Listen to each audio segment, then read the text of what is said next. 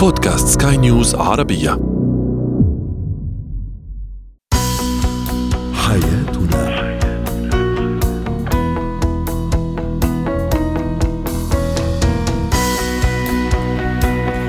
مستمعينا الكرام أهلا بكم معنا إلى حياتنا فضاؤكم اليومي الذي يعنى بشؤون الاسره وباقي الشؤون الحياتية الأخرى والذي يمكنكم الاستماع إليه عبر منصة سكاي نيوز Arabia dot com slash podcast وباقي منصات سكاي نيوز العربيه الأخرى. معي أنا آمال شاب. نتحدث اليوم عن إدمان الشريك على عادة من العادات. أيضا سنتحدث عن أهم النصائح التي يجب أن نلقنها لأطفالنا ولأبنائنا وأخيرا اتيكيت ارتداء فساتين. السهرة الطويله وهي.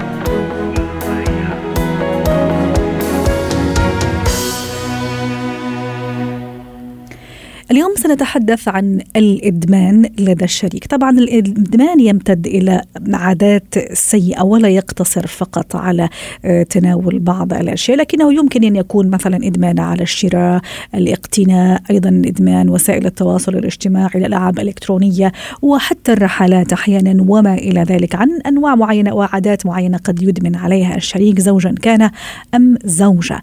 للحديث عن هذا الموضوع ينضم إلينا عبر الهاتف من جدة دكتور هاني الغامدي. المحلل النفسي والمستشار التربوي والاسري يسعد أوقاتك دكتور هاني. في البداية متى نقول عن الشخص بأنه مدمن بغض النظر عن هذه العادة؟ بمعنى آخر هل هو مرض أم اضطراب أو متلازمة؟ الإشكالية أنه المصطلح دائما أنه ملصق ببعض الأمور السلبية أو مم. بمجمل الأمور السلبية إدمان مخدرات إدمان أفلام إباحية إدمان إدمان إدمان وإلى آخره طبعا في عندنا خليني أنا أبسط الموضوع بلغتي اللي إحنا تعودنا عليها الإدمان هو أي أمر أي أمر تعودت عليه النفس ضمن دائرة الراحة دائرة مم. راحتي تقول وانتبهوا لكلمة دائرة الراحة حنرجع لها بعد شوية. دائرة راحتي تقول إن أنا أحب أتفرج على أفلام إباحية على سبيل المثال. دائرة راحتي تقول أنا أحب أنه أنا آه، أخذ مخدرات. دائرة راحتي تقول أحب السفر زي ما تفضلتي. دائرة وأقول في الآخر مدمن. الإشكالية بأنه أنا ما من, من يجعل من نفسي قابل لتكرار الفعل. بمعنى حينما أنعت نفسي أو أوصف نفسي بأن أنا مدمن فأنا. أحط مبرر بأنه أنا غصب عني يا جماعة. أنا مدمن ما أقدر أوقف. أنا مدمن التدخين مثلا. أنا مدمن للحشيش. أنا مدمن للافلام الإباحية. عالجوني. ما في حاجة يا أحبتي. اسمها أنه أنا ما أستطيع أن أنا أتوقف بقدرة المولى عز وجل ضمن رقم واحد وهو الرغبة الداخلية. أنا عندي رغبة اليوم أني أتوقف عن هذا الفعل يلي أنا ضمن دائرة راحتي. بالنسبة لي أنا يعتبر شيء جيد ولكنه مؤثر على كثير من أمور الحياة من حولي. على سبيل. المثال موضوعنا اليوم اللي هو مؤثر على الشريك على سبيل المثال. أنا مدمن تدخين ما أقدر أوقف فالشريك اللي عندي يعاني من هكذا أمور أنا مدمن أفلام زي ما إحنا قلنا أنا مدمن ألعاب إلكترونية مدمن آه، إنترنت مدمن تسوق. أنا أنا مدمن إنترنت أنا مدمن ألعاب مش عارف مين إلكترونية وبالتالي أنا أوصف لنفسي وأبرر لا ما في شيء اسمه إنه أنا مدمن ولا أستطيع كل أمر فيه إدمان نستطيع حتى الأمور يا أمال وهذه. نقطة جدا مهمة المؤثر على الشبكة العصبية وعلى المخ اللي هي الأمور المواد اللي تدخل الجسم وتعود الجسم على أن يطلبها مرة أخرى مثل المخدرات العميقة وغيره. وللمعلومية بس بين قوسين موضوع إدمان الحشيش هو من أسهل الأمور اللي يستطيع الإنسان يتوقف عنها. من. أسهل الأمور ولا يحتاج حتى إلى الذهاب إلى طبيب ولكن الإرادة يا أحبتي. طيب لو مواد أخرى عميقة بكل بساطة طالما عندي إرادة أروح عشان أستقي العون بعد الله من مستشفى أو من طبيب. عشان يخرج هذه المادة من جسمي خلال أسبوعين وتبدأ المعالجة الطبيعية. ولكن إذا أنا عندي الرغبة بأنه أنا أتوقف عن هذا الإدمان ضمن مسمى حلقتنا اليوم. دكتور هاني حضرتك تحدثت عن منطقة الراحة أو ال comfort zone مثلا اللي أنا أشعر بها ك زوج أو زوجة أو شريك عندي إدمان على عادة معينة كما قلنا ممكن شراء آه، إنترنت تسوق رحلات وما إلى ذلك والاشياء أيضا اللي حضرتك ذكرتها دكتور هاني.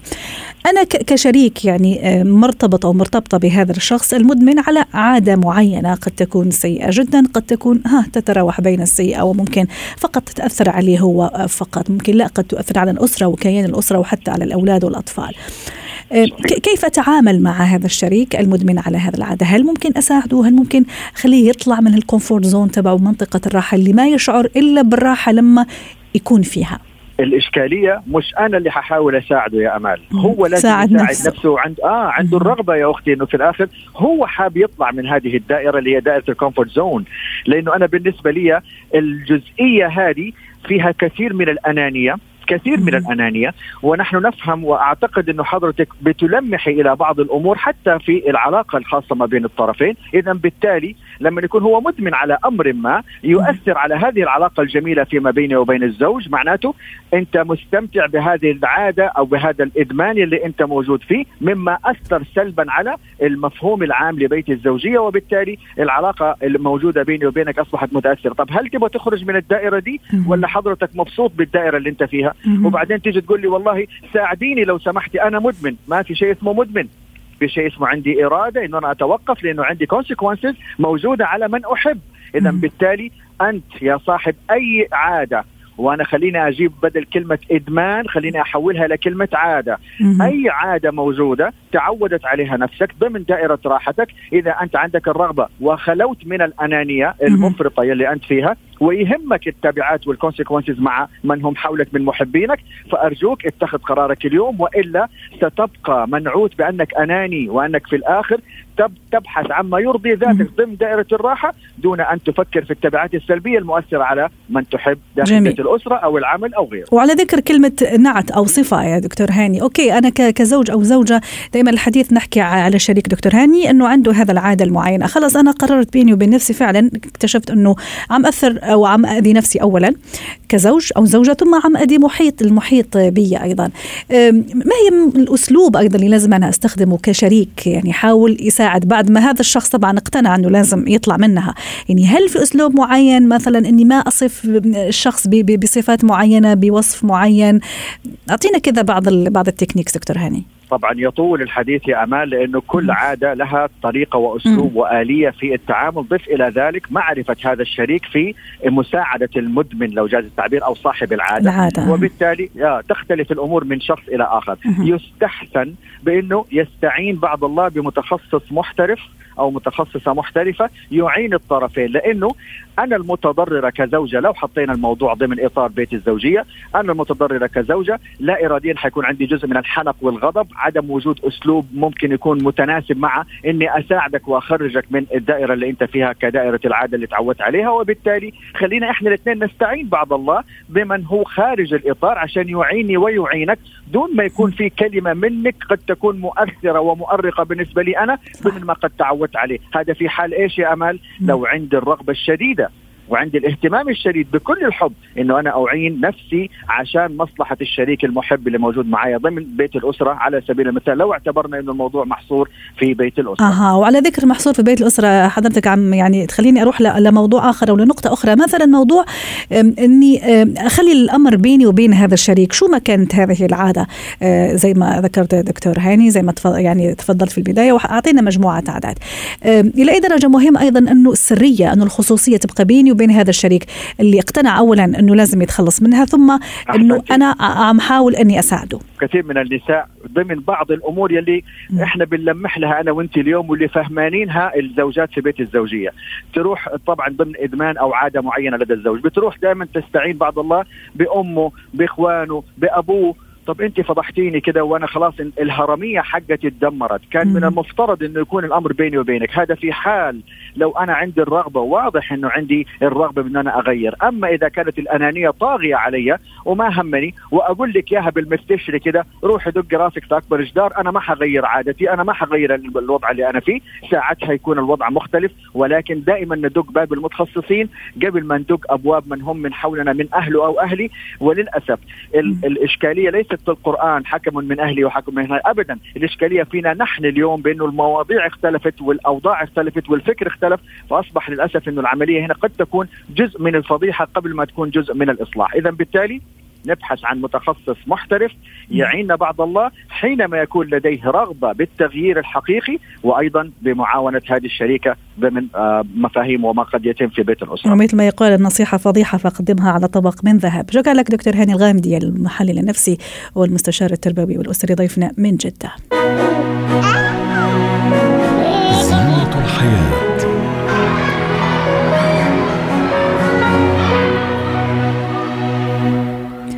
اليوم في زينة الحياة سنتحدث عن أهم الدروس المهمة والأساسية التي يجب أن ألقنها لأبنائي للحديث عن هذا الموضوع. تنضم إلينا عبر الهاتف من أبو ظبي هبة شركس الخبيرة التربوية. سعد أوقاتك أستاذة هبة. أكيد كل أب منا وكل أم مننا أكيد يعني هدفها الوحيد أنه ابنها أو بنتها تكون أحسن منها في الحقيقة. ونفس الشيء ينطبق على الأب يعني. وأكيد إلا ما في دروس معينة استخلصناها نحن بعد رحلة طويلة من الحياة ومن سنوات الخبرة والإخفاقات والنجاحات. هي خلاصة لهذه التجارب إلا ما نحاول ننقلها لأطفالنا لأبناء لأبنائنا. أحيانا نحسن آه، يعني كيف أو نحسن تلقينها أحيانا نخفق ونحن عم نحاول نلقي لأبنائنا هذه الدروس. أولا ما هي أهم النصائح التي آه، يجب أن ألقنها لطفلي؟ بغض النظر عن تجاربنا المختلفة طبعا. من أهم الحاجات اللي مهم إن إحنا نخرج من مرحلة الطفولة وإحنا أكسبناها فعلا لاولادنا هو آه، مهارة المثابرة. إن ولادنا يكون عندهم المثابرة والعزيمة آه، علشان يحققوا أهدافهم. لأن المثابرة جواها مجموعة من المعاني الكبيرة جدا اللي ممكن إن أنا أعلمها لابني علشان فعلا يحقق المثابرة. سواء كان طفل صغير عنده سنتين بيلعب بالمكعبات بتاعته أو بالبازل بتاعته بيقابل تحديات مش عارف يركبها في قطع آه، مش فاهمها رسمة مش عارف يحققها. آه لغاية لما ابني ممكن يكون في الجامعة وبالستيل بتقابله تحديات. جوه مفهوم المثابرة آه آه بنعلم ولادنا إن في تحديات إن الحياة فيها تحديات إن الحياة مش سهلة وإن التحديات دايما بيبقى علشان نقدر نتخطاها بيبقى ناقصنا المعرفة والمهارة. والموضوع ده بيجي بالتجربة والخطأ إن إحنا ممكن نجرب ونخطأ ممكن نسمع نصيحة حد ممكن نطلب المعونة آه ممكن نستشير حد ممكن أكبر مننا آه فكل دي المهارات دي كلها مع بعضها علشان نقدر نحقق أهدافنا. دي حاجة مهمة جدا جدا جدا لازم الأهل يعلموها لأبنائهم وأنا بعتبرها إن هي من أساسيات التربية. كمان من الحاجات المهمة الإنسانية إن أنا أعلم ابني مفهوم الإنسانية. بمفهومها الواسع آه من خلال إن هو يرعى نبتة إن هو يبقى عنده حيوان أليف إن هو يكون مش بيؤذي الناس من حواليه إن أنا أعلمه يعني إيه تعاطف صح. يعني إيه يحس بيا إن أنا مثلا راجعة تعبانة ففي بعض الأمهات دايما تحب تحس إن هي قوية أو الآباء يحب يحس يحسس أبنائه إن هو دايما قوي أنا ما بقولش إن إحنا نخوف أبنائنا أو نلعب في صمام الأمان بتاعهم المتمثل فينا إحنا كبيرنتس أو كأولياء أمور لكن بقول إن هم يعرفوا إن الحياة فيها آخر. سواء كان أب والأم ممكن يكونوا تعبانين. يعني مثلا الام تقول للولاد بابا نايم دلوقتي فيا ريت نهدي الصوت صح. لازم نحترم شكله جاي تعبان النهارده. أو اليوم ما فيش غدا مثلا زي العادة ممكن نمشيها وناكل أي شيء مثلا. آه يعني النهارده مثلا نمرر الموضوع وناكل أي حاجة علشان ماما آه تعبانة. آه حد مثلا من القرايب من الأصدقاء من الجيران فنقول لهم مثلا فلان ده آه عامل عملية تعالوا نروح نزوره. المعاني الإنسانية إزاي يحترم الكبير؟ إزاي يعطف على الصغير؟ إزاي يعطف على الحيوان على النبات؟ إزاي يرعاه؟ إزاي يكف أذاه؟ آه دي كلها المعاني الإنسانية كلها آه زي ما يكونش فيه تمييز ما يكونش فيه عنصرية. دي من الحاجات الأساسية والدروس الأساسية اللي لازم نلقنها للأطفال. وإحنا بنعلمهم عدم العنصرية لازم نعلمهم صح. ان هم عندهم هوية وعندهم قيم وعندهم جذور وإن مش معنى التقبل الآخر هو الانصهار في الآخر والانخراط في في حياة الآخر وتجاهل كل حاجة. لا أنت بتقبله وبتقبل الاختلاف مش. إن أنت ب ب ب ب يعني بتميع داخله. رائع. يعني هذا أيضا يعزز عنده يعني تكوين شخصيته هو. راح تكون عنده شخصية مستقلة ومنفصلة لكن في نفس الوقت يحترم الشخصيات الأخرى والاراء والاختلافات. وإنسان. وعنده مبادرة بيسعى إن هو يبادر مع الآخرين. عنده معاني إنسانية آه كبيرة. آه كمان من الحاجات المهمة إن إحنا نعلمها للأطفال إن هو المفروض إنه يبقى خارج من مرحلة الطفولة قادر على التمييز بين الصواب والخطأ. ممتاز. حتى لو بيرتكب الخطأ. أها وكأنك قريتي في أفكاري مرة أخرى يا أستاذة هبة. يعني أنا من بين الأشياء اللي أحبها؟ مثلا الخ- على خط نفس دايما. إنه أنا مثلا الحرص أو أحرص إني ألقن مثلا لأولادي لأبنائي موضوع إنه الوقوع في الخطأ شيء طبيعي جدا. وهذه هي الحياة. أحيانا نصيب أحيانا نخطئ. لكن إنه نعترف أول شيء بالخطأ ثم نحاول نعرف وين مكمن الخطأ لماذا أخطأت ثم أصلح وأواصل. دي من الحاجات المهمة قوي إن الأبناء يبقوا عارفين الصح والغلط حتى لو بيعملوا الغلط لأن في لازم يبقى عندنا مساحة من الخطأ نسيب ولادنا يعملوا أخطاء ويجوا يعترفوا بيها ونحاول لأن إحنا مش معصومين كلنا. بنخطئ فمهم إن ال ال الأبناء بس فكرة إن الولد والبنت يبقوا طالعين من البيت فاهمين آه، قادرين يميزوا بين الصواب والخطأ آه على على القصة دي آه مثلا ممكن طفل يبقى واقف أو مراهق يبقى واقف مثلا بياكل حاجة وبعدين بيقول على فكرة الأكل ده مش صحي. بس أنا اشتهيته فجبته وأكلته أوكي ده جميل جدا كويس إن هو فاهم إنه مش صحي علشان يقلل من مساحة الخطأ واحدة واحدة ممكن يصلحه ويروح ناحية الأكل الصحي أها. فلما عرفته يميز ما بين الصواب والخطأ سواء بقى في الأكل في المعاملات في العبادات في علاقته بربنا في علاقته بنفسه في علاقته بالناس. آه، مجرد ال- ال- القدرة على التمييز هي في حد ذاتها آه، درع واقي. آه، من الحاجات المهمة اطلع ولادي من البيت عارفينها إن هم علاقتهم بربنا والوازع الديني والضمير يكون عندهم حي. وحتى اختم. خليني أقول لك مرة أخرى أيضا اقتنصتي مني الفكرة اللي هي موضوع الاهتمام بالصحة. ما دام حكيتي على البرجر والأكل الغير الصحي أيضا أتصور إنه مهم جدا إني ألقن ال- الابن أو بنتي أو ابني أهمية الغذاء والصحة والاهتمام بصحتنا والرياضة حتى يكون lifestyle يعني بالنسبة لنا جميعا. حتى نختم استاذه هبه صحيح جدا. هو مهم جدا إنه يبقى عنده lifestyle صحي. lifestyle بيحافظ على صحته البدنية صحته النفسية صحته الاجتماعية. بيحافظ على المجتمع بيحافظ على البيئة عنده آه نظرة مستقبلية. يعني مش أنا ماشي هفضل آكل الأكل ده النهارده طب ولما يبقى عندي 50 سنة؟ فيقول لك يا 50 سنة حبيبي ربنا يديك العمر غالبا هتوصل لها. فلما توصل لها توصل لها إزاي؟ فلما أخلي عنده نظرة آه، آه، بعيدة المدى وأخلي عنده اتساع في الأفق آه، واعمل له اخليه يبدأ هو يعمل lifestyle تبقى مناسب ويقعد يغير فيه واحدة واحدة لغاية لما يلاقي شخصيته. ومن أهم الحاجات برضو اللي حابة إن أنا أختم بيها إن. هو آه، يتعرف على نفسه يكتشف من أنا. يعني جميل. دي حاجة مهمة جدا إن أبنائنا نعلمها لهم ونزرعها فيهم. يمكن هذه راح نفرد لها حلقة كاملة أستاذة هبة شركس راح تشرفينا أكيد في الحلقات القادمة حتى نحكي فعلا عن هذا الموضوع كيف يكتشف الشخص أو الفرد أو الطفل تحديدا نفسه وكيف أساعده على ذلك. شكرا لك أستاذة هبة شركس أسعدتينا ونورتينا اليوم بهذه المشاركة. اتكات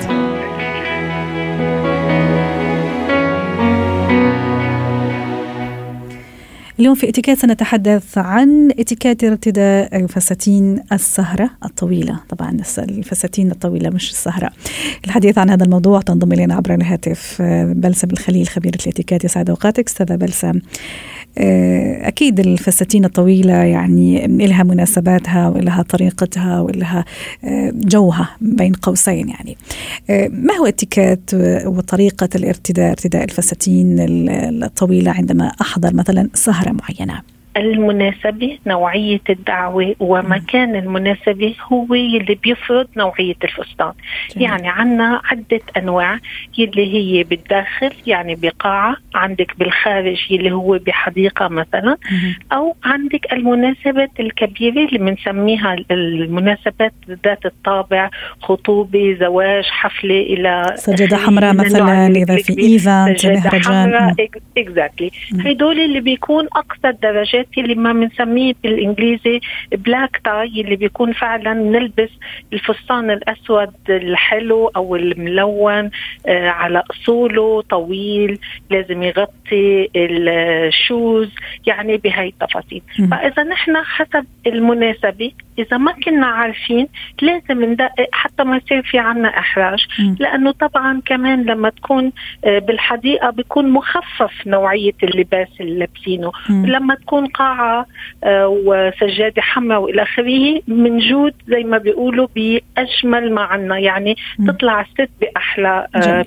خلينا نركز بلسم على الموضوع فعلا هذا اللي هو مثلا مهرجان سجاده حمراء مناسبة معينة فعلا يعني تقتضي ارتداء الفستان الطويل أتصور نعم. من بين الأشياء نعم. أنا أتصور ويا ريت كمان تشاركينا رأي أستاذة بلسم أنه تكون مناسبة جدا مع ما سيرتديه الشريكه يعني الرجل أو أي. الخطيب يعني بمعنى ما أتصور أنه مثلا السيدة تلبس فستان طويل مثلا مع زوجها أو خطيبها اللي يرتدي ممكن شيء كاجوال أليس كذلك؟ أكيد لا لأنه مثل ما قلنا طابع الدعوة هو اللي بيستدعي تفاصيل للشريك وللست اللي معزومة يعني. بقى نحن كمان مش بس هيك بنفوت بتفاصيل أكثر مش بس بنطلب من الرجل إنه يلبس بدلة نتمنى إنه تكون ربطة العنق مناسبة للون الفستان. كمان. يعني إذا كنت ست مثلا هلأ باحتفالات آخر السنة وجاي يوم الحب مثلا بشهر شباط بنقول اللون الأحمر مثلا ليش ما يلبس ربطة عنق حمراء؟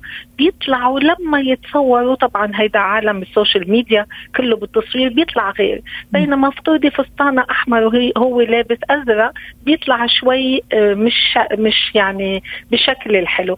خلينا نقول الست بأحلى صورتها. يجب أن يكون الفستان فعلا آه، بالمناسبة الكبيرة نفضل جدا عدم آه، ارتداء الألوان المعرقة يعني flowers العرق الكبير. كل ما بيكون الفستان من نوع الستن من نوع القماش الحلو من نوع البراق يعني اللون الواحد دايما بيعطي أناقة أكثر بكثير وبيعطي رسمية أكثر بنخلي الأشياء المعرقة لبرا so ست مثلا لبست هيدا الفستان بده يكون مغطى ال shoes يعني بشكل كثير آه، يعني هيدي من بيكون أعلى من ال shoes حتى ما تتفركش لكن للأسف امرار بيلبسوا أكثر من الطول اللازم أو مثلا بالمناسبات بيعيروا فستان. يستعيروا فستان بيقوموا بنشوف فنانات وفنانين عم يوقعوا. لا بدي يكون الطول مناسب مخبي shoes ويكون أكيد في كعب عالي. يعني الست اللي بتلبس كاجوال مع فستان خربت ال look كلياتها صراحة. صحيح. نعم. في آه، أيضا موضوع هذه يمكن آه، يعني ما صارت كثير درجة مثلا أستاذ بلسم لكن في بعض السيدات يعني يلجأنا إلى هذا النوع من ممكن نعتبره اكسسوارز يعني مثلا اللي هو القفازات الطويلة مثلا أو يمكن حتى اللي تمشي مع هذا النوع من الفساتين الطويلة. القفازات لا تلبس إلا لما تكون الدعوة black tie أو white tie يعني الأكثر رسمية. أي شيء بنشوف عم تلبسه الست بسهرة عادية بيكون غير مقبول بتكون زادت عليه. يعني إذا كانت الدعوة محطوط عليها بابيون آه، للرجل آه، اللباس الأكثر رسمية للنساء إلا حق تلبس. لكن هي بنشوفها بالمجتمعات الأوروبية أكثر من المجتمعات العربية. وطبعا بالبلاط الملكي وإلى آخره. هيدي من المتوجب لأنه نوعية الدعوة بتكون يا state dinner مثلا يا بتكون white tie لمناسبة معينة. لكن عاده بالعالم العربي القفازات من غير اللي بنشوفها لكن هي حسب الدعوة. إذا الدعوة كانت هي لنا حق نلبسها أكيد يعني. سيدة بلسم بالنسبة للوشاح مثلا متى يفضل أن يكون معي وأنا لابسه هذا الفستان الطويل في هذه السهرة الرسمية. طبعا إذا كان الفستان بدون أكمام وإذا كنا بالداخل في اي سي وإذا كنا بالخارج بالحفلات مثل ما قلنا بالحديقة بيكون في هواء هلأ بالأيام هاي وخصوصا فتنا بشهر فصل الشتاء الوشاح أو الباشمينا خلينا نقول دائما مستحب نكون أخذينه معنا احتياط وعادة بيكون يا من نوع لون غير لون الفستان. يا بيكون من النوع مثلا لو أقول الفستان أسود ممكن أسود معه برق يعني النوع البراق يعني. المهم يكون نوعيته مش الكاجوال كمان. وفي سيدات أيضا يفضلن الفروه الفرور مثلا إذا كان الجو بارد كثير مثلا. هيدي ماكسيموم بالأكثر رسميه أكيد. وكل ما الست عندها أشياء حلوة ورسمية بتقدر تورجيها هيدا هو الموسم أكيد وهيدي هي المناسبة. حتى نختم في أقل من 30 ثانية أستاذة بلسم بالنسبة للفساتين الطويلة هل مثلا يفضل أنه آه، أيضا ترافقها السيدة بجوارب شفافة مثلا تحت الفستان حتى تكون أيضا الأمور أكثر أكثر رسمية؟ أصولا أصولا يجب أن يكون. يعني حسب الإتيكيت يجب أن يكون لكن عم نشوف هلأ أنه عم يلبسوا صندل برا والصندل عادة بيكون مفتوح. صراحة ما بنحب نشوف آه لون كولون غير آه ويبين تحت الصندل لكن واضح. إذا في شوز 100% أكيد شكرا لك بلسم الخليل خبيرة الاتيكيت أسعدتينا اليوم. شكرا. حياتنا.